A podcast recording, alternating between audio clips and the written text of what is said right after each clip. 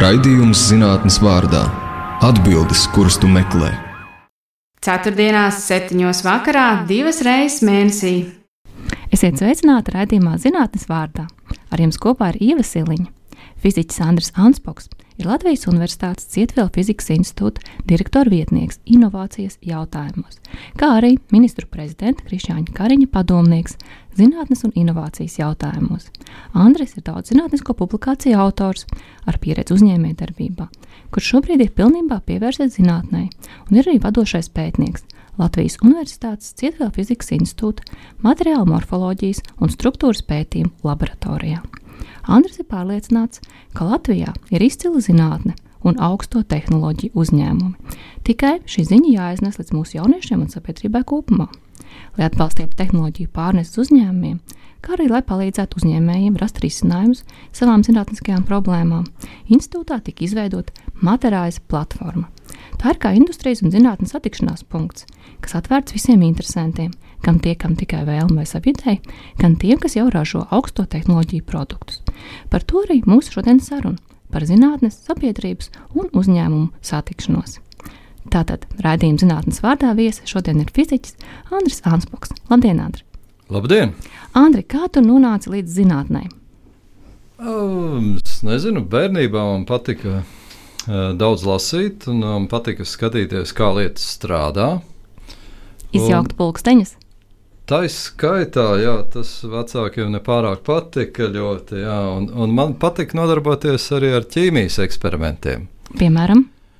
Um, Es nezinu, es atradu ķīmijas grāmatu un sāku eksperimentēt ar to, kas man bija pieejams. Un, un tā populārākās lietas, ko katrs var izmēģināt, sajaukt eh, dzeramo sodu, citronu skābu, drusku pieliet ūdeni un tur skaisti un, un visā citādi. Bet aizgāju arī nedaudz tālākās lietās. Un tad es atradu grāmatu bioloģijā. Un, uh, man bija tāda veca, veca grāmata par tiešām, kā lietas ir tapušas, un tur es uzzināju, kā var vienkārši izgatavot mikroskopu. Jūs paņemiet stikla nūjiņu, stiepiet viņu diedziņā, un tad galu ielieciet gāzes plītī, jums būs galā bumbiņa. Un šī bumbiņa var palielināt vairākus simtus reižu. Un, uh, ja, un tā es sāku pētīt dabu. Tad es nedaudz aizrāvos ar astronomiju. Tad es sāku iepazīties ar uh, dažādām jauno fiziķu, matemātiķu un tam līdzīgām skolām, iet uz olimpiādēm, un tad es nonācu nometnē Alfa un Cieto fizikas institūtā kā skolēns. Un tas man uzrunāja. Un patiesībā no, patiesībā no bērnības tu nonāci Cieto fizikas institūtā? Jā, tur bija tāda lāzera diskotēka. Tad viņi nopirka tev diskotēku. Tā izskaitā, jo, tu, principā, nu kā, nu es tur sāku par lāzeriem runāt, tiem džekiem, tur vēl kaut kas, tur bija kaut kādā ekskursijā, un nometnē alfa mēs mērījām laikam gaismas ātrumu ar vismānu zaulu. Un, uh, pirms tam es gandrīz biju domājis, ka jā, tā kā uz lietišķiem matemātiķiem, jo Anģānam bija spēcīga aģitācija tajā laikā. Bet es aizgāju uz fiziku, baigi labi. Un kāda tagad ir tā pētniecības tēma? O, tas, uh, jā, ne, protams, man ir pētniecības tēma, tā ir rengena absorpcijas spektroskopija. Tā ir ļoti smalka metode, ar ko pēta vielu struktūru, dažādu vielu, vis, visinteresantāko vielu, bet tā ir ļoti arī starptautiska padarīšana, jo tā darbība notiek tādos sinhrotronu centros. Turpināt! Var sakot, ir tā, ka, lai to efektu pētītu, vajadzīga ļoti jaudīga rengena starojuma avota. Un to nevar parastu rengena lampu uztaisīt, kas jau pats par sevi ir tāda ļoti viltīga ierīce, kuras stāsts droši vien vēl paprasīt 5 minūtes, kā tas strādā. Tad, tad taisa tāds speciāls avots, kur līdzīgi kā lielā hadrona pātrinātājā tikai uz riņķa griež elektronus, un tā kā viņi bremzē, tā kā mašīna, kad viņas pagrieziena bremzē, viņi izdod tādu skaņu.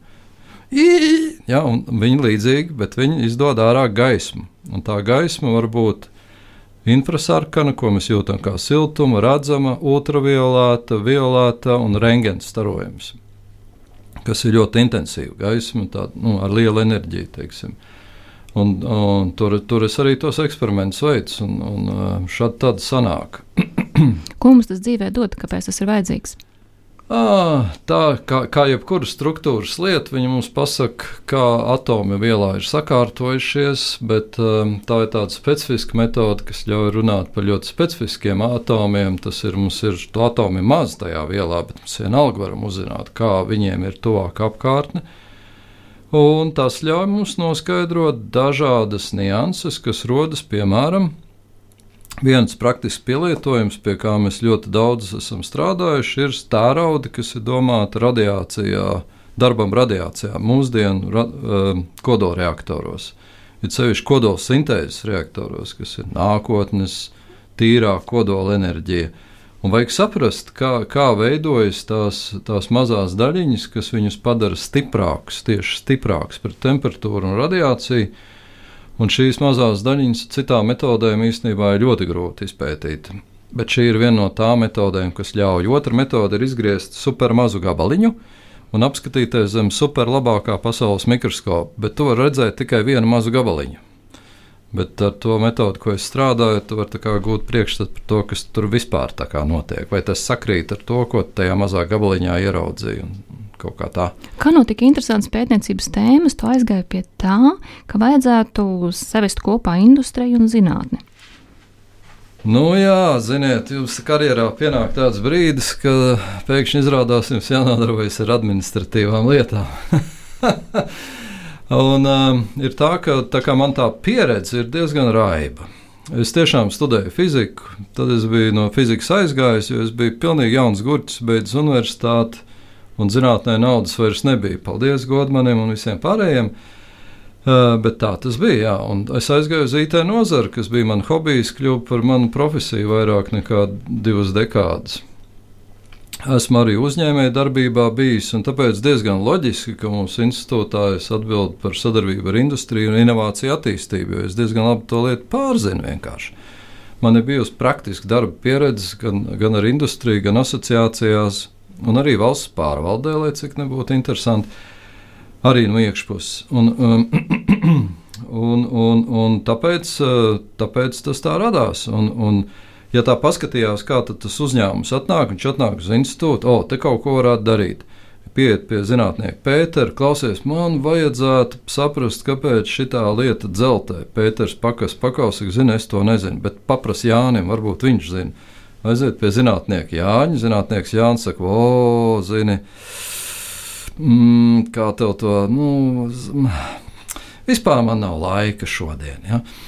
Nu, un tam līdzīgi tev ir jāatrod pareizais cilvēks pareizā vietā. Tad kāpēc nevarētu būt normāli, kad uzņēmums atnāk, viņš atnāk uz kādu vienu kontaktpunktu, kas ir tas, kā, kā saka, one stop shop, ja, senie latvieši tā teica Un tur viņam saka, jā, šito lietu mēs mākam atrisināt.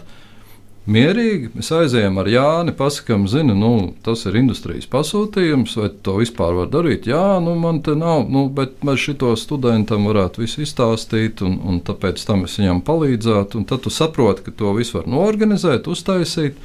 Un industrija saka, o, paldies, jā, es sapratu, jūs to varat izdarīt. Vai nākamā nedēļa dabūšu, dabūšu, o, ļoti labi. No tā kaut kā servisu mm. viņiem vajag. Nu, kā dzīvo tavs materiālais servis? Tā arī viņš zina, tas materiālais servis. Mēs sēdējām kopā un domājām, kā tas izskatās. Mums taba koncepts ar divām galvām.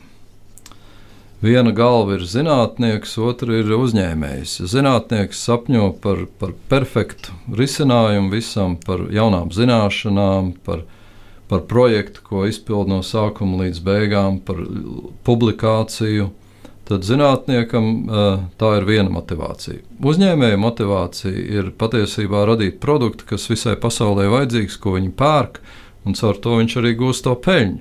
Nav tā, ka viņi tikai peļņu dzen, lai viņš tiktu pie peļņas, viņam jārada kaut kas vērtīgs. Un tam vērtīgam jābūt labam, pietiekami un laikā un, un, un, un vajadzīgā cenā.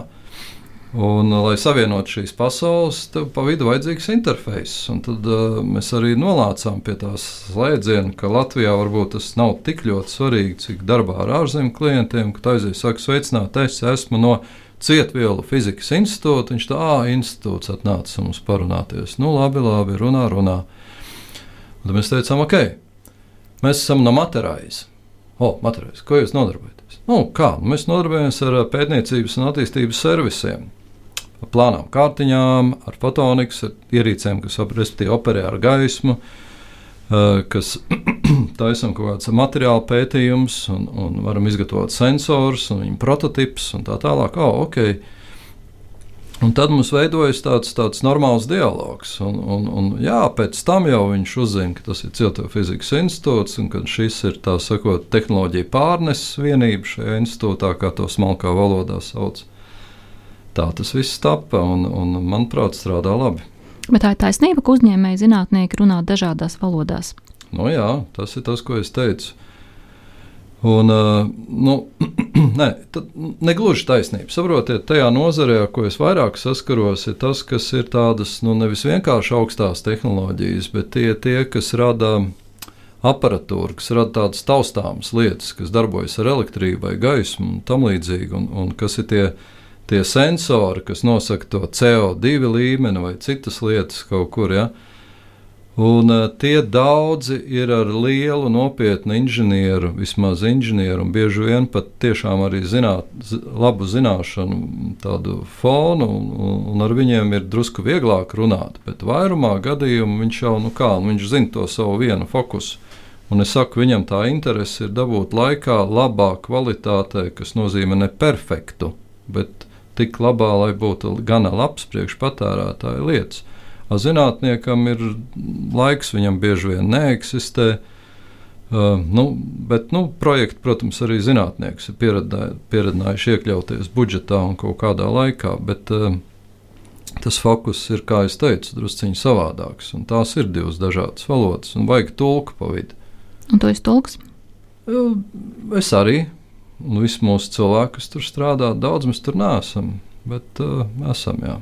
Neliels tulkošanas birojs. Jā, neliels tulkošanas birojs. Tieši tā. Varbūt jūs varat nosaukt kādus uzņēmumus, kas sadarbojas Latvijas Universitātes Cietuvā fizikas institūtā. Jā, jā, es domāju, ka tas vispār ir interesants stāsts, ka mēs Latvijā bieži vien nezinām, cik daudz mums ir tādu dziļo tehnoloģiju uzņēmumu. Tā es viņu saucu. Tas no angļu vārda deep tech, kas atšķir viņus no programmatūras un IT firmām. Um, Tad uh, mums ir, teiksim, Latvijā uzņēmums Groglās. Ziniet, nu, muzejā klasiskā problēma ir stikls. Viņš atspīd, un tāpēc, ka viņš atspīd, neko nevar labi redzēt. Vai tā ir glazna vai aiz vitrīnas kāda objekta, jāmeklē leņķis. Var uztaisīt stiklu, no kur nekas neatspīd. Un Groglās šādus stiklus izgatavo. Viņa unikums ir tāds, ka viņi viņus var izgatavot divreiz trīs metru lielus, pārklātus no abām pusēm. Un, uh, viņiem ir viņa līderu pozīcijās, ir uh, muzejos Eiropā, viņi ir uh, Vācu veikalam Reve, ir visas vitrīnas taisījuši, jo arī veikali ir atklājuši, ka vitrīnas bez atspīduma ir, ir ļoti labas pārdošanai. Tad mums ir Lībānos ir divi uzņēmumi, Laitgaida uh, un uh, Seram optika, kas ražo, ražo optiskās šķiedras kuru stāstus uh, var izlasīt, ja jūs pameklēsiet. Uh, Irā ir bijis dienas biznesā, Fafroda stāsts par, par laidgaidu uh, dzīvi. Un viņa taisa optiskā šķiedra, tas ir tāds stikla pavadiens, pa kuru gaismu var no viena gala līdz otram aizvadīt. Un tā skaitā viņš izmanto medicīnā, vēja operācijās. Tad nevajag visu vēju uzšķērst, bet uztaisīt mazu iegriezumu, ielaiž viņu iekšā un pa viņu laiž lāzera gaismu un to, to, to dēnu, vēnu tā izdedzina, piemēram. Un tas ir eh, visā pasaulē tādas lietas lieto. Un, un šeit, Latvijā, pat ne Rīgā, bet Līvānos ir pat divi uzņēmumi, kas tādas lietas ražo. Un, un, jūs saprotiet, viņiem tas algu līmenis ir tāds pats kā Lielbritānijā. Viņa produktivitāte tāda pat kā tāda, tādiem uzņēmumiem Lielbritānijā. Es vienreiz salīdzināju tās lietas, Un, un, um, un tas var notikt Līvānos. Un, un viņa izaugsmes tempi ir starp 20-30% gadā. Jūs saprotat? Katreiz, kad es aizbraucu, viņi man rāda, ka, jā, ot, nē, es te gadu bijis, rekur mēs jau jaunu kaut kādu ražošanas līniju laižam. Un uh, tie ir vieni mūsu tādiem uh, gigantiem. Tad mums ir uzņēmums Baltic Scientific Instruments. Ganība Dambija atrodas, ja nemaldos, piecos stāvos ražojošs uzņēmums, kur katrā stāvā kaut kas notiek, viņi ražo pasaulē labākos radiācijas detektorus. Priekš, piemēram, ūdens un gaisā. Viņi var detektēt minimālas radiācijas dozes. Tas viņiem ļāva kopā ar franču partneriem ap visu Singapūru aplikt apkārt sistēmu, kas spēja detektēt, ka kaut kur tūmā ir kaut kāda ziepe, kaut kāda radiācijas noplūde. Un vispirms to var konstatēt tādās niecīgos daudzumos, ja tāda brīdināšanas sistēma. Daudzos kodola uh, spēkstacijās un citos objektos to izmanto.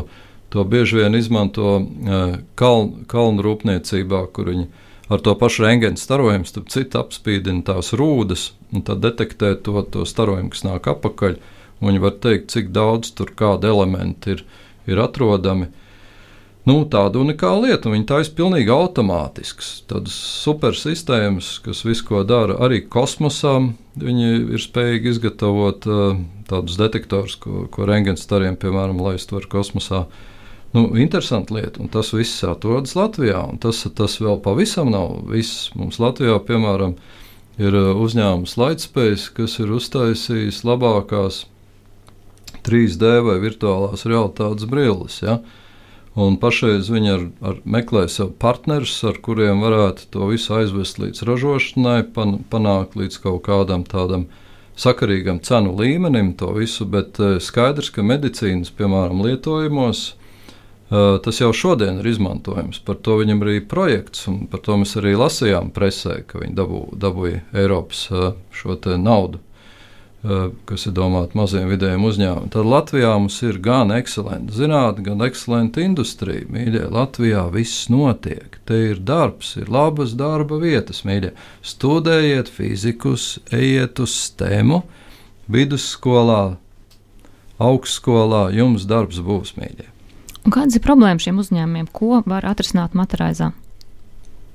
Oh, nu, Ziniet, tas ir pārklājumi, ja to pašu groglās runā, tas mums ir ļoti liels klients. Arī viņi nāk pie mums, veic savu kvalitātes testus tiem pārklājumiem. Uh, bieži vien viņi izstrādā dažādas jaunas. Gribās jau, lai tas pārklājums ne tikai neatstaro, bet aizsargā no ultravioletā starojuma, vai vēl labāk viņš ir ar antibakteriālu vai pat antivīrusu, teiksim, tāda aizsardzība, kas arī daudz kur vajadzīgs, tā skaitēties pašos muzejos pieņemam pieņemu, ka Un, uh, ir vēl tur visādi. Katram no viņiem ir kādi attīstības plāni. Viņiem jāiet uz priekšu, viņi grib saprast, sliktākos gadījumos saprast, kāpēc kaut kas nav aizgājis tā kā vajag, bet uh, vairumā gadījumu uh, pārbauda kaut kādas savas jaunās produktu izstrādes. Un tad ir tādi riskantāki projekti, kur mēs vienkārši izmēģinām kaut kādas jaunas lietas, un tie parasti ir kaut kādi kopdarbības projekti. Ja, un, uh, Viņi ir ar dažādām sekmēm. Mums bija piemēram projekts ar uh, jaunu uzņēmumu Evoled, kur mēs mēģinājām izstrādāt jaunu organisko gaismas diodu, OLEDus tā sauktos. Ja. Viņš jau viss kārtībā spīdēja, tikai nu, tie parametri nebija tik žilbinoši, kā gribējās, ja, bet citādi es droši vien te nemaz nesēdētu. Mums būtu pavisam cits apgrieziens šai brīdī. Nu, tā laikam ir zinātnīs sastāvdaļa, vai ne? Arī atbilde nē, ir atbilde. Jā, jā, jā, jā. Nē, viss ir kārtībā. Jā, un, un, lai cik nebūtu paradoxāli, īstenībā mums institūtā ir kaut kāds ducis OLED attīstības projektu. Latvijā attīstīt OLEDus izrādās. Ja. Mm, fantastiski. Šis ir raidījums zinātnes vārdā. Ar jums kopā ir Ieva Siliņa. Viesos mums šodien ir fizikas doktors Andris Anspoks.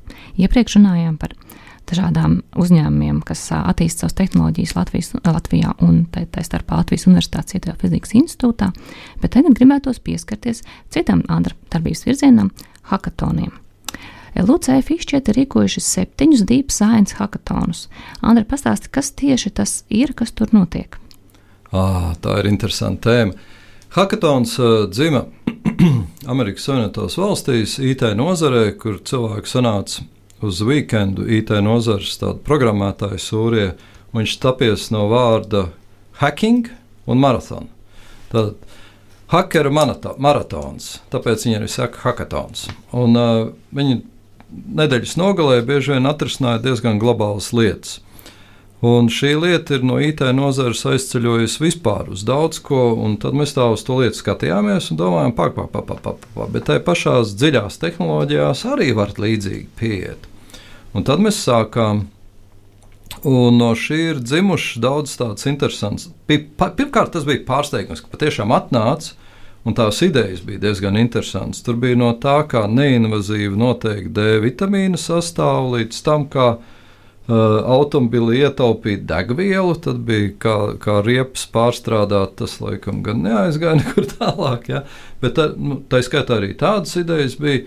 Un daudz kas tur ir parādījies, kā izmantot to siltumu, ko cilvēks izstaro, kā viņu savākt un pārvērst elektrībā. Un, un ar visādām pat diezgan trakām idejām. Un kas ir interesanti, daudz arī uh, ir, ir tādas atsauksmes dzirdētas, ka tie, kas domā, ot, kā to zinātnes sasniegumu aiznest līdz, līdz patiešām cilvēkiem, līdz, caur to nozīmē aiznest līdz ražošanai, jo savādāk jau viņš pie cilvēkiem nenonāks. Viņi saka, ka šādā hackathonā vidēji apgramot ir izcili, jo tu trīs dienās esi spiests izdarīt to, ko parasti varbūt kādu mēnesi darīt, bet tādā ļoti koncentrētā veidā.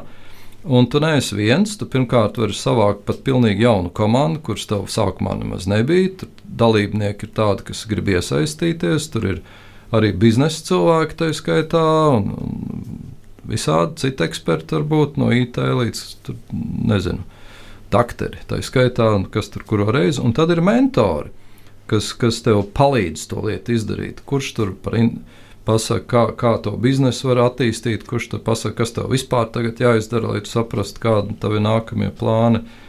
Un, un tad eh, tā, tā arī radās. Caur šādiem hackathoniem radās mūsu pirmais jaunu uzņēmums no institūta dibinātais Celboks, kas nodarbojās ar tādu Eh, jomu, ko varētu nosaukt par orgānu un čipu, tātad uh, orgāns uz, uz schēmas, bet tas nav tik baisi, kā izklausās.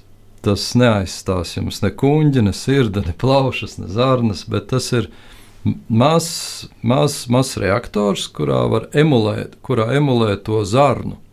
Un nevis kā tādā Petrija trauciņā, bet ar visu viņa struktūru, ar virsmu, un iekšējo slāni, pa kuru tur plūst tā, tā, tā barība ar to visu mikrofloru. Un tā, tas, tā, tam, ka, kam tas ir vajadzīgs, ir patiesībā visvairāk to vajag farmācijas nozarē, kur viņi var um, savu zāļu iedarbību pārbaudīt uz šādu šūnu modeli, orgānu, orgānu šūnu modeli. Un tas ir daudz efektīvāk, piemēram, nekā uz pelēm. Ja? Un tā, tā, saprotiet, šī ideja mums agrāk nekā tāda nebija. Mēs mācījām izgatavot visādus divaisus šajā sakarā. Viņi piedzima cauri šādiem hackathoniem. Piemēram, cilvēki aizrāvās ne pa jokam un saprata, ka to var izdarīt, un atrada partnerus un Zviedrijā un, un tā. Un, un tad Francijā dabūja naudu tādā ideja konkursā, un viss notiek tur tagad.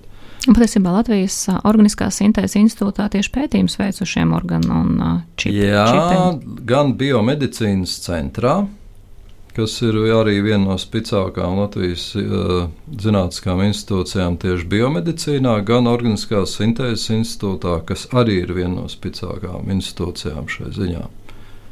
Un ticiet man, tur arī ir ekscelenta zinātne. Bet normālam cilvēkam, kuram varbūt nav šī ideja par orgānu un čipu, kam būtu vērts pieteikties hackathonā, vai tiešām tas ir tikai tiem pašiem izcilākajiem? Ir dažādi hackathoni. Viņi tagad tur var izvēlēties. Ir, ir tie, kas strādā ar aplikācijām, ir tie, kas strādā ar, ar šādu aparatūru, dziļām tehnoloģijām, kā es to tulkoju. Ja? Un pārsvarā tur var pieteikties jebkurš, kas ir entuziasts entuziasti ir, ir nu, piemēram, atnācis mākslinieks, viņš saka, es gribu tri, trīsdimensionālu displeju gaisā, kas zīmē bildes uztaisīt. Viņš saka, es jau neesmu eksperts. Kad viņš sāk stāstīt, mīļie, tur kā nav eksperts. Viņš ir nikns eksperts, viņš ir visu iepazīstināts, kas tajā ziņā notiek. Nu, tas, tā, tā ir tā mūsu publika. Un tad mums ir studentiem speciālitātes, vairāk uz studentiem orientētas. Nu, tas ir tas patiešām ir, ir vairāk uz tādu plašu entuziasmu, kur var pieslēgties pie, pie, pie, pie tiešām diezgan paš, dažreiz ekstremālām idejām. Ne visas viņas ir eh, ļoti reālas.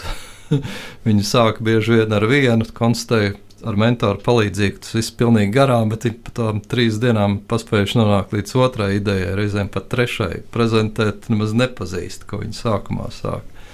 Tāds, ko katra ir, jā, Tā ir diezgan atvērta savienība, bet, bet jābūt interesē par to. Kas notiek hackathonā? Kāds ir šis darbības mehānisms? À, nu tur, jā, tas ir pareizi.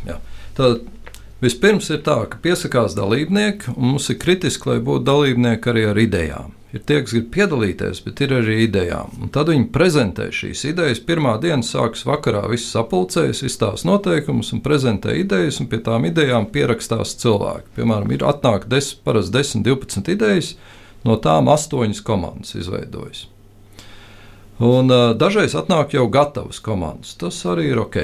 Pēc tam šīm komandām, viņas tā sakot, pirmā vakarā vienojas par to, ko mēs tur īsti darām, par ko ir runa. Un otrā diena, kas ir sestdiena, kas ir pilna diena, tā ir tā galvenā darba diena, kurā viņi sāk strādāt ar šo ideju. Viņi sāk viņu prezentēt, stāstīt mentoriem, mentori viņiem kaut ko sāk dot padomus, kā, kā to visu uzlabot, jo viņa mērķis ir patiesībā ne jau uztaisīt kaut ko Atšķirībā no programmēšanas, šeit nevar neko uzprogrammēt. Tas prasa baigi ilgu laiku, bieži vien un daudz naudas. Bet viņi prezentē, kā viņi to ideju redz tālāk attīstībā. Tas viņa gala produkts ir idejas prezentācijā plāna. Un pēdējā dienā viņi faktiski strādā tikai uz to, ka viņi tagad visu savēl kopā un uzstājas to savu trīs minūšu prezentāciju, kas izklausās maza, bet viņa ir ļoti tāda, nu, intensīva, es teiktu. Uh, Un tad viņi dabū bieži vien balvas, kas ir eh, patiesībā tie, kas vēlās ņemt viņa projektu un attīstīt viņu tālāk. Ar daudziem mēs esam paši strādājuši, eh, bet eh, lielais vairums ir, ir, ir, ir tie speciāli biznesa akceleratori un arī Rīgas Tehniskā universitāte arī ir piemēram ņēmusi savā paspārnē. Un, un, un, tas, tas tā diezgan interesanti. Bet Vai tas no, tālāk notiks, tas ir tikai pašas komandas rokās. Bet šis idejas autors, ar ko viņš aiziet mājās svētdienas vakarā? Viņš aiziet mājās svētdienas vakarā ar, ar patiesībā ar plānu, kas viņam jādara tālāk. Un ideālā variantā, ja viņš ir bijis viens, viņš, viņam ir komanda. Viņš aiziet ar komandu, viņam skaidrs, ko darīt. Un, kā, es, kā es jau arī minēju, tur bija tā, ka mums ir bijušas komandas, kuras uh, nāk, un pēc tam viņi piesakās konkursā uh, Eiropas līmenī un tur kaut ko uzvar, dabū kādu balvu, tagad viņiem parādās jau nauda. Viņi to, par to naudu var, var to jau aizvest to ideju līdz kaut kādam nākamajam prototipam. No citām idejām ir tā, ka mēs esam rakstījuši projektu, viņus pārvērtuši projektu pieteikumos, Arī tādi gadījumi bijuši. Citi ir tik gatavi, ka viņiem jau tie akcelerācijas fondi jau viņiem sāk arī piešķirt nelielu naudu. Jo to naudu parasti nav tā, ka uzreiz iedot miljonu. Sākumā tu iedod nedaudz, paskatīties, kas tur sanāks. Nu, līdz ārklases investīcijām, kas ir sešciparu skaitļos, tur vēl ceļš ejams. Ir, ja. Bet šis pats mehānisms varbūt šo hackathonu kultūru izmantot arī citiem mērķiem. Jā, jā, jā. jā. Mēs, mēs esam eksperimentātori šai ziņā. Mēs viņu izmantojam arī, lai zinātnieki idejas reizēm attīstītu. Tiesa ne visi tādā veidā uz to pavalkās, un ne, nevienmēr to vajag darīt tieši nedēļas nogalēs. Ja? Bet tā ideja ir tāda, ka ļoti kompresētā laikā, noteiktā formātā kaut ko vajag izdarīt, un ir padomdevēji, kas tev palīdz gan ar procesu tik galā, paskaidro, kas tev vajadzīgs gala rezultātā, gan, gan palīdz to saturu. Tas tā ir tāda efektīva forma. Jā. Tas ir teiktu, tāda labāka lieta, kā, kā tas, ko sauc par prātu vētru. Jā. Nē, nu, prāta vētrā ir cits mērķis. Tas ir ideja atrast, bet šeit, šeit nevis ideja meklēt, tam gan es neticu. Tev jābūt jau idejai. Bet šis ir veids, kā attīstīt ideju? Jā, jā, jā viennozīmīgi. Kad plānojās nākošais Latvijas Universitātes Cietvielu fizikas institūta hackathons? No, tas ir atkarīgs mīļā. Vispirms ejam visi potēties. Ja? Virtuāli to nav iespējams darīt. Uh, ir, ir, ir, ir. Mēs uh, patiesībā tā ir. Tā, tā, tā ir lieta, ko mēs um, esam pagājušā gada otrā pusē sapratuši. Mums arī studenta hackathons bija virtuāls, un arī izskatās, ka šogad būs vēl vismaz viens virtuāls studenta hackathons. Un, un nestudenti. Viņi abi ir Deep Science Hackathon. Viens ir Student Deep Science Hackathon, no, ko Latvijas Universitāte kopā taisām. Otrs ir uh, vienkārši Deep Science Hackathon. Reizēm tas otrs ir ar kādu tematiku. Vienu gadu mēs viņu taisījām par medicīnas tēmu. Jā, tas ir atvērts, jo es esmu teicis, ka priekš vispār tādām no nu, abstraktām, jebkādām idejām, tas studentu hackathon formāts ir ļoti labs. Ir sevišķi virtuālā veidā, tur es neredzu lielu problēmu. Bet, ja mums būs tāds ideja portfels par kaut ko konkrētu, tad, tad droši vien mēs taisīsim tematisku. Ļoti laba tēma būtu kosmos, jo mums ir kā dalība valstī Eiropas kosmosa aģentūrā. Ir labs veids, kā tikt finansētām šādām idejām, jo, jo, jo kosmosa aģentūras projektu pieteikumi tagad tā ir tāda regulāra lieta, kas pie mums notiks, un, un tur to var finansēt, es domāju. Un kas parasti ir hackathona dalībnieki? Vai tie ir jaunieši vai tomēr kādi uzņēmēji, pieredzējuši cilvēki? Uzņēmēji reti, tāpēc, ka viņiem maz laika. Uh, ir tāda, tāda pieeja, ka uzņēmēji reizēm atnāk, nodefinē problēmu, pēc tam noskatās risinājumu, tad vai nu piekrīt vai nepiekrīt tam. Pārsvarā tie ir jauni cilvēki, bet uh, īstenībā at, ne, tur ir ļoti plašs diapazons. Tiešām ļoti plašs, jo ir, ir diezgan aktīva tāda Latvijā, es zinu, iz, izgudrotāju kopiena, kas ir tāda ļoti sirmi kungi. Tie arī nāk. Viņš jūtas ļoti labi. Un tāpēc viņi pieslēdzas bankas augstskolas jauniešu, un tur notiek normālas lietas. Runājot par jauniešiem, pastāst lūdzu par LUCF rīkoto saules kausu. O, jā, jā, jā.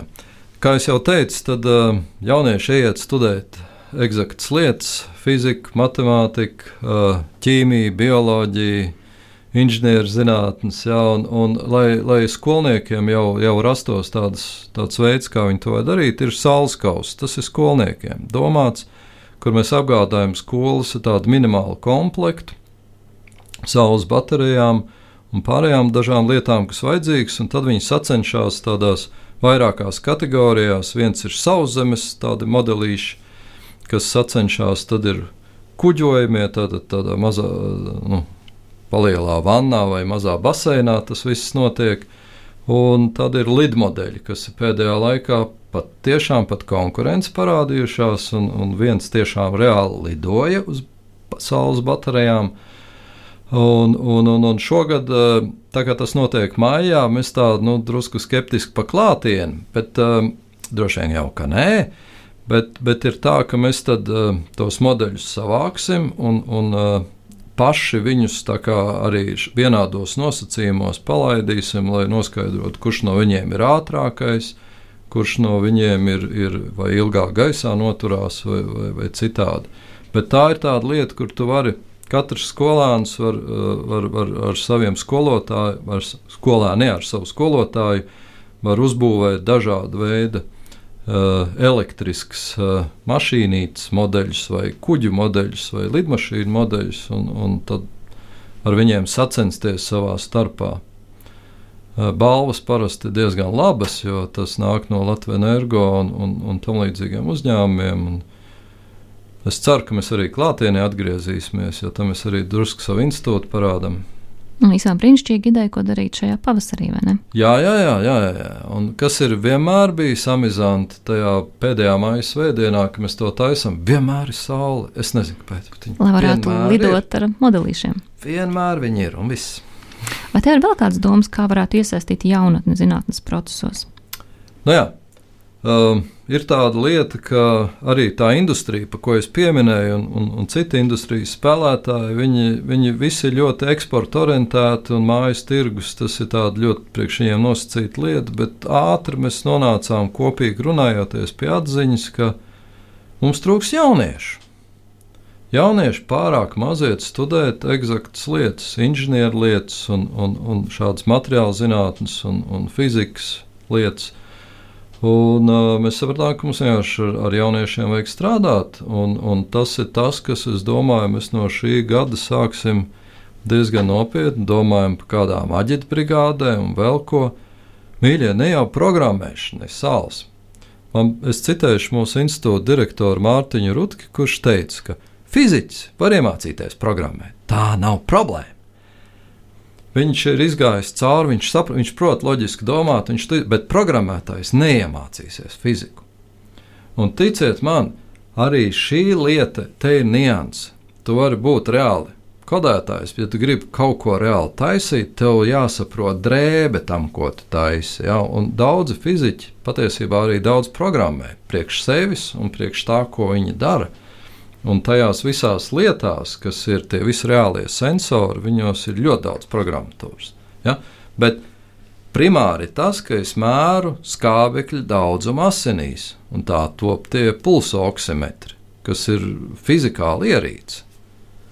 Patiesībā diezgan eleganta un uh, optiska un viņi ar gaismas palīdzību nosaka gan pulsu, gan, gan to skābekļa daudzumu asinīs. Bet tas viss sākās ar to, ka mēs izprotam šos dabas un fizikas ja. likumus, vai ne? Jā. Protams, ja jūs gribat, lai dzīve būtu pilna pārsteigumiem un brīnumiem, tad nevajag mācīties fiziku. Viņi būs uz katra soļa. Šis ir raidījums zinātnes vārdā. Ar jums kopā ir Ieva Siliņa. Viesos mums šodien ir Latvijas Universitātes Cietvielu fizikas institūta direktora vietnieks inovācijas jautājumos Andris Anspoks. Iepriekš mēs runājām par hackathoniem. Tagad gribētos parunāties par inovāciju ekosistēmām. Stāstiet, Andri, kā tev liekas, kas ir vajadzīgs, lai Latvija attīstītu nākamo Latvijas Teslu, Intel vai kādas citas nozīmīgas lietas? Jā, neskapēc vairs nesaka, kas būs Latvijas Nokia. Jā, tas ir interesants. Jau. Ziniet, mēs neesam ļoti tālu. Tāpēc, ka īstenībā elektromobiļos ogrē mums, starp citu, ir viena no spēcīgākajām komandām, kas var uztaisīt spēcīgāku elektromobili, ja tas ir nepieciešams. Jā, tas viss mums apkārt ir. Kas ir vajadzīgs? Ir patiešām šis vārds ekosistēma ir, ir diezgan centrāls. Strādā, sa, veidojot šo materiālu vienību, kas ir tas interfejs starp zinātnē un, un, un industriju, mēs sapratām, ka tur ir baigā potence iekšā. Tas problēma ir mums vajag vienkārši sarunāties. Un tas, ko sauc par tā modernos vārdos, vērtību ķēdes un ekosistēmas, patiesībā ir tāds veids, ka industrijas ir dažāda industrija. Visi šie uzņēmumi satiekas savā starpā, uh, satiekas arī ar pētniecības institūcijām, un patiesībā arī valsts institūcijas tajā visā klausās. Un man ir patiesa prieks, ka pēdējos gados tas pie mums Latvijā ir izkustējies. Ne bez Eiropas zināmā mērā iniciatīvas vai spērienu, kā nu to nosauktu, bet patiešām arī Latvijā top reālas ekosistēmas, un es pats esmu tāda fotonikas un viedo materiālu ekosistēmas epicentrā nonācis. Un pats esmu redzējis, kā pie blakus galda satiekas Sidrabe un Šaflera Baltikas un parunājās, lai gan patiesībā attālums starp viņiem nemaz tik liels nekad nav bijis. Viņi abi atrodas Rīgā, viņi uzzina viens par otru vairāk kaut ko. Un tā ir tā viena lieta. Otra lieta ir tā, ka Nu, mums tā zinātnē un industrijai ir, ir jābūt ļoti lieliem draugiem un, un jārunājās vien, vienam ar otru, jo patiesībā no tādām mazām lietām jau arī top. Tā kā es saku, tad OLED projektos mēs esam iesituši rokas, mēs varam tikpat labi attīstīt tās lietas, kas ir tuvāk tiem, kā Baltic Scientific Instruments. Mums jau ir dažas idejas, ko varētu darīt ar to pašu Līvānu optiskās šķiedras ražotāju gaidu. Ja, un, un, un caur šādiem projektiem mums tās lietas jāattīst. Kāpēc tā ekosistēma ir svarīga? Tāpēc, ka tā pati Latvijas Investīcija attīstības aģentūra, klausoties mūsu stāstā, viņi saprata, kā, kāda atšķirība ir starp šādu dziļo tehnoloģiju uzņēmumu un, un, un aplikāciju izstrādes uzņēmumu. Mīļie, tur ir atšķirība, ir tā, ka aplikācija ir skaidrs pēc gada, viss ir skaidrs, kas būs ar viņu. Uh, dziļās tehnoloģijās pēc gada labākā gadījumā sapratām, ka koncepts rullē forši. Līdz prototipam mums bieži vien vēl ir divi, trīs gadi ejami. Patiesībā tas cikls no idejas līdz gatavam produktam ir desmit gadi bez pārspīlējuma. Lietas reizēm notiek ātrāk, tāpēc ka ir bijušas jau piecu gadu atpakaļ iestrādes pie tā, uh, ar ko nodarbojās. Nu, es domāju, vai mums būs tāda, tāda Tesla, es nezinu. Tas ir baigais veiksmes jautājums. Baigais veiksmes jautājums. Bet es domāju, ka, ka būs. Mums pirmkārt Līvānos mums ir super uzņēmumi. Mums ir super uzņēmumi Rīgā jau tagad, ja, un, un uh, jautājums par to, nu, vai mēs no miljonu biznesa aiziesim uz miljardu biznesu, Es nezinu, man ir tāda iekšējā pārliecība, ka tas varētu notikt tur, kur sas, saskarās šīs dziļās tehnoloģijas ar medicīnu. Man liekas, ka tas, ja kaut kur baigi nospīdēs, tad tā būs tā vieta. Jo, nu jā, es tā domāju. Bet, ja es zinātu, oh, nē, nu tad droši vien es arī kaut ko citu šai brīdī darītu. Pastāstiet, no kā sastāv šī inovatīvā ekosistēma? Tad, nu, tādā, pēc, pēc, tā kā pēc mācību grāmatas, tas ir pirmām kārtām tā ir industrija. Un tiešām pirmām kārtām tā ir industrija. Tāpēc, ka industrija viņa nosaka savā ziņā tempu, un to tempu nedrīkst bremzēt. Tad ir zinātne, kas ir gan universitātes, gan institūti. Mums ir arī institūti, to nevajag saprast, nav tikai universitātes. Uh, un, un, un tā, tā, tas ir svarīgs spēlmans, jo tur ir kompetence. Ja, viņiem, jā, viņiem ir lēnāks temps, bet, uh, kā jau saku, tur ir katrs savā tempā strādāt. Tad trešā lieta, bez kā tas nestrādā, ir tas, ko es pieminēju. Tātad valsts, valsts un pašvaldība. Uh, pašvaldības šobrīd neinvestē daudz pētniecībā, kas, protams, Eiropas pa Eiropu braukājot, sāk man likties dīvaini, ja, jo tur investē ļoti daudz, teiksim, Hamburgas pilsēta, kā pilsēta reāli investē, jo viņi grib piesaistīt talantus sev, viņi grib, lai šeit notiek lielas lietas, lai biznesa attīstās, tehnoloģija biznesa tā skaitā. Nu, lūk, un, un, un, un tā ir tā lieta, jo Tad, kad viņi klausās un saprot, o, oh, pagaidi, mums laikam vajadzētu tos voucherus drusku savādākus uztaisīt, tad pēkšņi izrādās tie voucheri visiem kļuva vajadzīgi, kas pirms tam tā gāja ar gariem zobiem. Piemēram, ja par projektiem mēs padiskutējam, pa vēl ko. Un patiesībā pēdējā laikā ir parādījies ceturtais spēlētājs. Viņš nekad nav bijis pazudis. Tā ir sabiedrība, Jo galu galā sabiedrība mums arī jārunā par to, ka ne tikai mums ir ekscelenta zinātne, ne tikai par to, ka mums ir izcila industrija, un nekas te uz grunti nemaz netaisās iet. Mums attīstība notiek, mīļie, mums reāli notiek attīstība.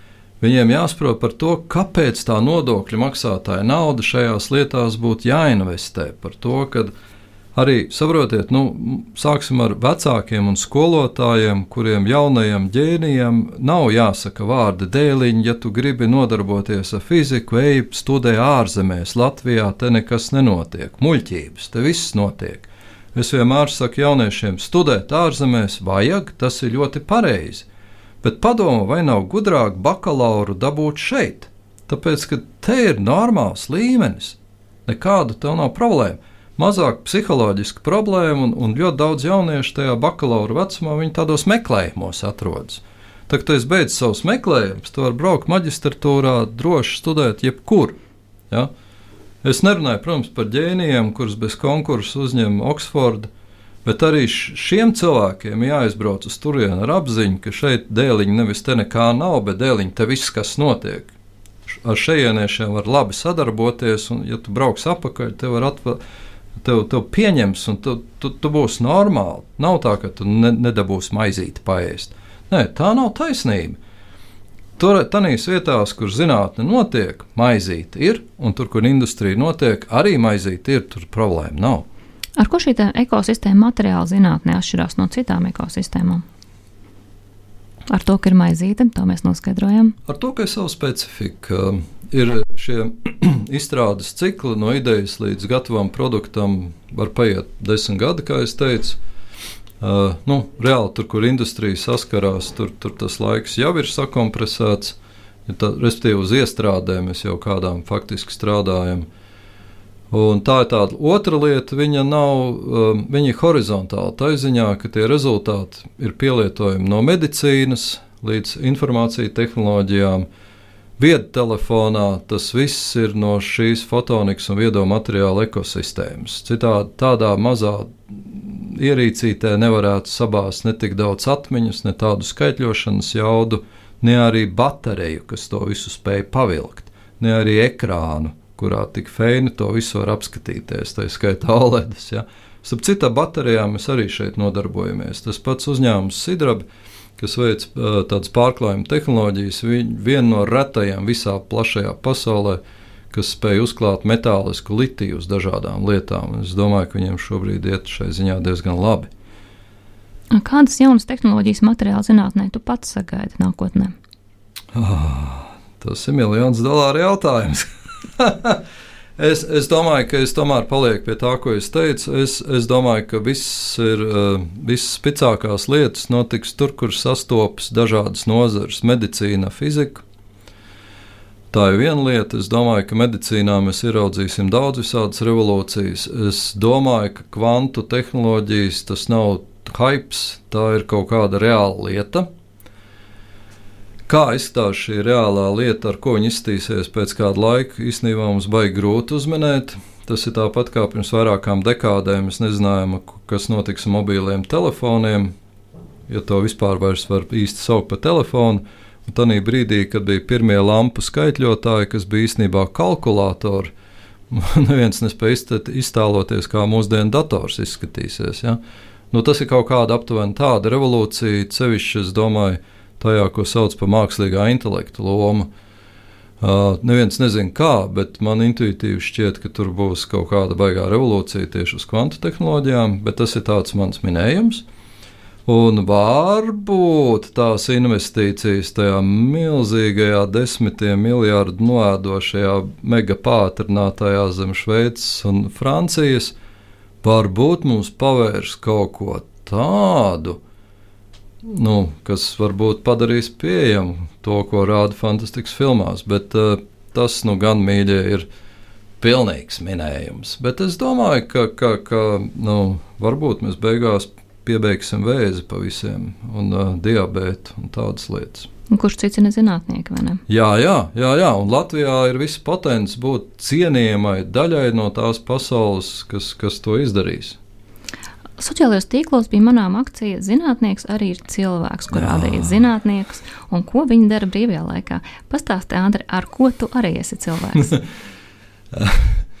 Jūs zināt, zinātnieks ir tāda interesanta zinātnieks nevar, tā nav profesija, tas ir aicinājums. Jo tu, tu nevari pārtraukt būt zinātnieks. Tā ir. Nu, ne, var, var uz zinātnē skatīties kā uz arodu. Var, var, bet nu, īsti, nu jā, skot, īstenībā tas ir kā mākslinieks. Viņš ir mākslinieks visu laiku. Un tāpēc zinātniekam vajag kaut ko tādu, nu, lai viņš tādu. Nu, es, piemēram, man patīk daudz staigāt. Staigāt tieši, skriet, nē, bet staigāt, staigāt daudz kur. Es baigi patīk pa kalniem, nu, ā, nu labi, tā. bet ne alpīnis, bet tāds nu, vienkārši ainavs tās patīk baudīt un tāda lieta. Un vispār ceļošana ir, ir tāda ļoti, joprojām lasu. Tagad gan maz sanāk, jo, jo nelaime tā, ka jālasa daudz visādu formālu dokumentu un literatūras. Jā. Tāpēc tas ir, bet uh, ar zinātnisko fantastiku, nu, zinātnieks. Zināt. Nu, jā, arī es aizrāvies eh, reizē ļoti smaidu par dažiem naiviem konceptiem. Piemēram. Uh, nu, uh, ir tāds pēdējā laika hīts, ir uh, Three Body Problem. Uh, uh, ķīniešu fantastika, ļoti ķīniska fantastika. Uh, Uh, bet koncepts interesants, ka trī, ap triju zvaigžņu sistēmu ir planētas un nu, ļoti nestabils, un tas baigi uzrunāja, bet tur ir arī daudz tādas uh, vietas, kur viņi tur atloka protonu daudzās dimensijas. Tur, uh, bet tas, nu, ah, come on! ir tā, bet tu saproti, es jau no bērnu dienām pie tās leksikas sāku pierast, un tad pat reizēm tās idejas aizrauja. Tie pagriezieni baigi interesanti ir, un, un tad tur ir kaut kādi džeki, kas saka par, par uh, uh, tas uh, Children of Time. Čaikovskis, kas nav tas Čaikovskis, bet ir brits, kas ir sarakstījis par to, kā, kā tur cilvēku apdzīvina apdzīvina citas planētas, tur izrādās kāds jau dzīvo, ielaiž vīrusus, kas pātrina evolūciju. Lūdzu, tikai ne, nesāciet to visu zinātniski komentēt. Un, nu, interesanti, nu, vienkārši tā patīk. Tāpēc, ka tehno, tehnoloģijas varbūt patīk, tāpēc patīk tā tehnoloģiski. Nobeidzot sarunu, kas tev pašam šobrīd ir pats lielākais izaicinājums? Lielākais izaicinājums ir tā sakot, aizvest to visu mūsu kuģi, kas ir gan mūsu institūts, gan, gan tā mūsu ekosistēma, gan Latvijas valsts, izmantojot visas tās iespējas, kas ir ap, apkārt, nu, līdz tam līmenim, kur varbūt mums tiešām reāli pienāktos būt. Un, un, un uh, es redzu, ka tas patiesībā ir izdarāms. Droši vien, ka tajā procesā kaut kādas vārgākās ķermeņa daļas atmirs. Tas ir neizbēgami, bet man rada optimismu tas, ka mūsu institūtā ir ļoti daudz jauniešu. Lai gan mēs sakām, ka jaunieši maz studē, tas, tas, protams, ir bēdīgi. Tas, protams, ir bēdīgi. Maz studē šīs tehniskās lietas, bet to vajag darīt. Džeki, tas ir baigi, un dāmas īpaši tas ir baigi interesanti. Baigi. Un tāpēc mēs sākām institūtā to sēriju. Zinātnieks ir arī cilvēks, jo zinātnieki kāpj kalnos, viņi Uh, ir seno cīņu klubos, iekšā viņa folkloras ansambļos, dejo un dzied, un, un, un tautas deju kolektīvos. Un, man liekas, ka liela daļa mūsu institūta jauniešu ir, ir dziesmu deju svētku dalībnieki. Viņi visi ir normāli cilvēki. Mēs braucam ar laivām, laivu braucienā. Tas vienmēr ir jauks pasākums, vai ne? Ieva? Viennozīmīgi. No, jā. Paldies, Andri! Es novēlu tev arī turpmāk veiksmīgu tulkošanas darbu starp uzņēmējiem, zinātniekiem. Atgādinu, ka raidījumā zinātnes vārdā bija fiziķis Andris Anspoks. Studijā bija Ieva Siliņa. Lai jums visiem veiksmīga diena šajā materiālajā pasaulē! Atā! Atā. Raidījums zinātnes vārdā - atbildes, kuras tu meklē. Ceturtdienās, septiņos vakarā, divas reizes mēnesī